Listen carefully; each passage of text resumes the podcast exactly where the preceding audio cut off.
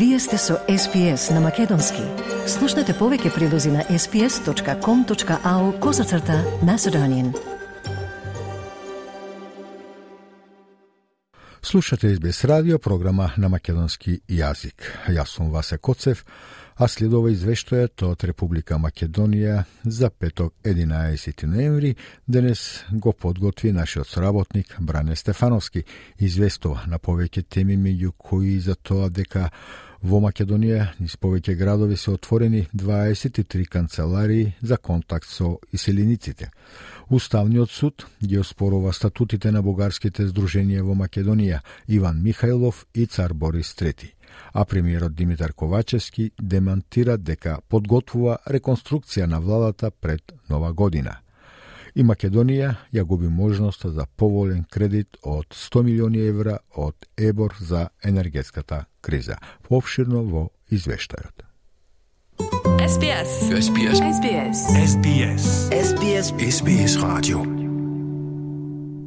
Македонските иселеници веќе нема да талкаат по институциите за време на нивниот престој во земјава, бидејќи во 23 општини во Македонија ќе бидат отворени канцеларии за диаспората.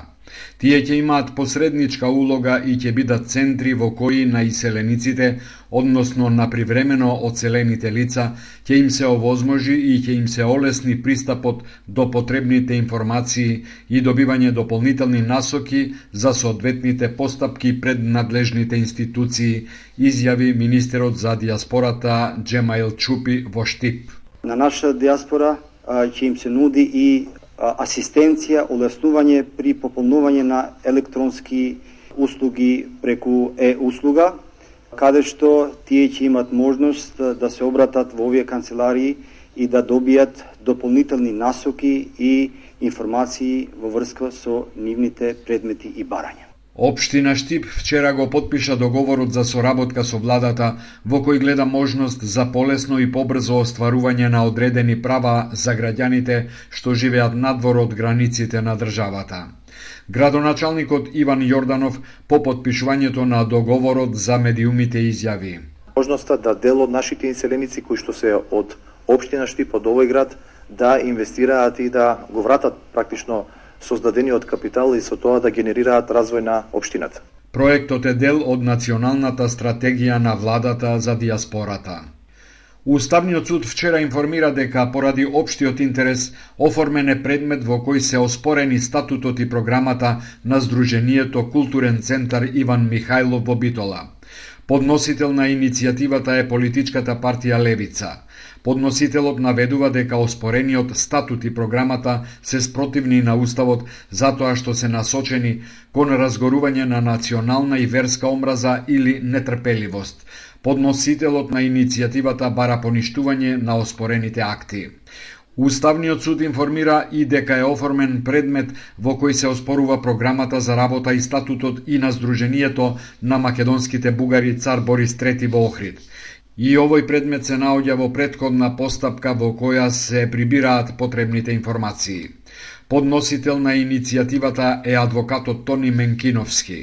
Во иницијативата се наведува дека оспорените акти се противуставни, бидејќи се насочени кон насилно уривање на уставниот поредок, попречување на слободното изразување на националната припадност на македонскиот народ, негирање на неговата самобитност и разгорување на национална омраза или нетрпеливост. Подносителот на иницијативата бара поништување на оспорените акти, се вели во сообштенијето од Уставниот суд. По најавите од македонската власт дека законот за регистрација на здруженија и фондации ќе го испрати на мислење до Венецијанската комисија, бугарското МНР соопшти дека ќе продолжи да ги поддржува бугарските клубови во земјава. Ова го изјавил главниот експерт во Бугарското Министерство за надворешни работи Желјаско Радуков на редовен брифинг со новинарите. Тој рекол дека со овој закон сигурно ќе се забранат клубовите ако не се изнуди промена на нивното име. Последните законски измени што би требало да стапат на сила на 16 овој месец, а со кои би требало бугарските клубови да ги сменат имињата во Централниот регистар, главниот експерт во Бугарското министерство смета дека проверката на Венецијанската комисија не би го одложила спроведувањето на законот затоа што одлуките на Венецијанската комисија се советодавни, а не задолжителни. По повод денот на примирието од Првата светска војна и денот на народната жалост, амбасадите на Франција и на Германија одржаа комеморација со полагање цветиња на германските гробишта во Прилеп. Од двете страни беше потенцирано дека темел на денешна Европа е токму ова заедничко чествување на двете моćни држави и дека ако се сака мир и просперитет во Европа, овој пример треба да го следат сите држави и членки и аспирантите, особено во време на војна, како актуелната меѓу Русија и Украина. На прашањето за некоректниот однос на Бугарија кон Македонија на патот кон ЕУ и постојаното блокирање на државава, заменик амбасадорот на Германија Ото Крафт за медиумите рече. Мислам дека ние не треба да се навратиме во историјата, туку да размислуваме со, со ладни глави и да ги ставиме на преден плат големите предизвици, големите работи кои не очекуваат, а не да се занимаваме со некои ситни и емоционални работи. Европа во минатото имала такви спорови и знам дека и нашла, нашла сили и нашла начин да ги реши тие спорови. И јас ви уверувам дека германската држава и понатаму ќе се залага конструктивно за тие проблеми да се да се решат што побрзо Францускиот амбасадор Сирил Бомгартнер не го искоментира односот на Бугарија кон Македонија, но рече дека Европа во моментов е соочена со големи проблеми што можат да се решат само со единство на сите нејзини членки.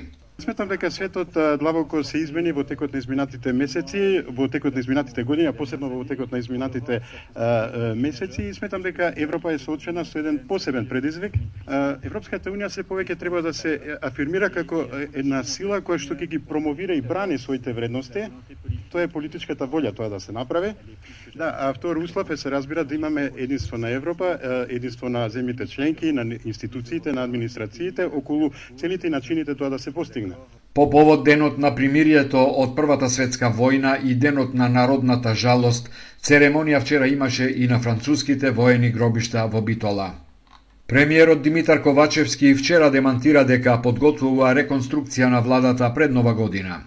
Вестите во медиумите според кои алијансата на албанците ќе му се приклучи на собраниското мнозинство и дека за возврат ќе бара министерски места, тој ги нарече шпекулации. Во моментов владата функционира со мнозинство од 64 пратеници и тоа беше потврдено на изборот на новиот министер за локална самоуправа. Јас не сум имал разговори како премиер, бидејќи премиерот предлага министри во владата во однос на реконструкција на владата, така да се тоа кое што се пишува е во рамките на шпекулации во овој момент. Вчера беа објавени информации дека Ковачевски и лидерот на Алијансата Арбен Таравари преговараат за проширување на владиното мнозинство. Лидерот на опозицијата Христијан Мицкоски коментира дека тоа не е мудар чекор и дека најдобро решение се предвремени избори. Македонија ќе изгуби 100 милиони евра кредит од Европската банка за обнова и развој, што беа наменети за справување со енергетската криза. Банката го има стопирано кредитот и замрзнатите пари за земјава ќе ги пренасочи за други потреби, бидејќи договорот за заемот со месеци е блокиран во парламентот, тврди власта. Партиските препукувања за кредитот меѓу власта и опозицијата ја оставија земјава без доволно пари за електраните токму на почетокот на грејната сезона кога потрошувачката расте. Министерот за економија Крешник Бектеши на пресконференција рече.